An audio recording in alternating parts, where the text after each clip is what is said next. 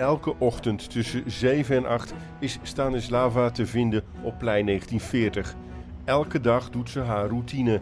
Ze haalt uit haar tasje een geel-blauwe Oekraïense vlag die ze aan een kleine stok knoopt. Pal voor het beeld van Zatkin, de verwoeste stad, blijft ze stilstaan. І відчуваю дуже багато ем, різного. Ik kom hier elke dag en ik voel dat ons land elke dag verandert.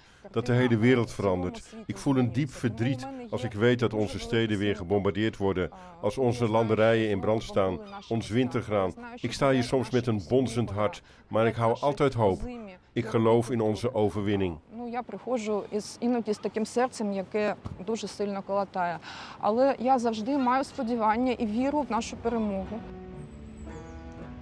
Stanislava is eind april met haar dochter naar Nederland gevlucht. Weg van de Russische bombardementen, weg van haar woonplaats Kiev. Ze heeft werk gevonden in het centrum van Rotterdam.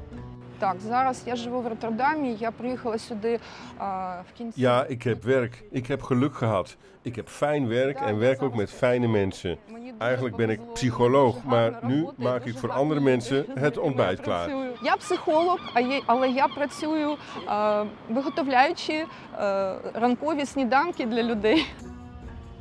Maar voordat ze gaat werken staat ze een uurtje op het plein. Twee weken geleden besloot Stanislava dat ze dit elke dag moest gaan doen. Het idee kwam uit mijn hart om hier elke dag naartoe te gaan. Stanislava staat niet voor niks bij dit beeld met de naam De Verwoeste Stad. Een blijvende herinnering aan het bombardement van Rotterdam in 1940. Tijdens het uurtje naar eentje op het plein gaan er allerlei gedachten door haar hoofd. ой, якщо чесно, я дуже хочу додому. Eerlijk gezegd wil ik dolgraag naar huis. Daar denk ik aan. En dat ik Rotterdam heel mooi en fijn Я vind. думаю про те, що мені подобається дуже Роттердам.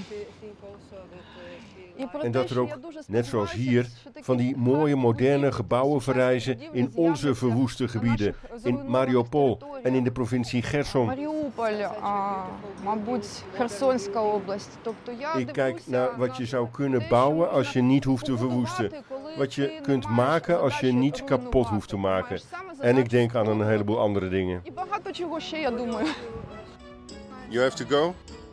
Het is bijna acht uur. Nog drie minuten, zegt ze.